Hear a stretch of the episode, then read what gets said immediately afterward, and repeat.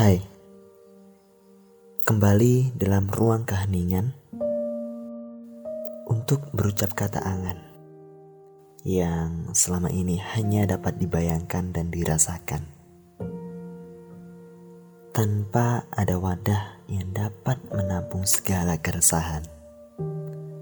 Bersama saya Denny Saputra dalam podcast Ruang Kataku.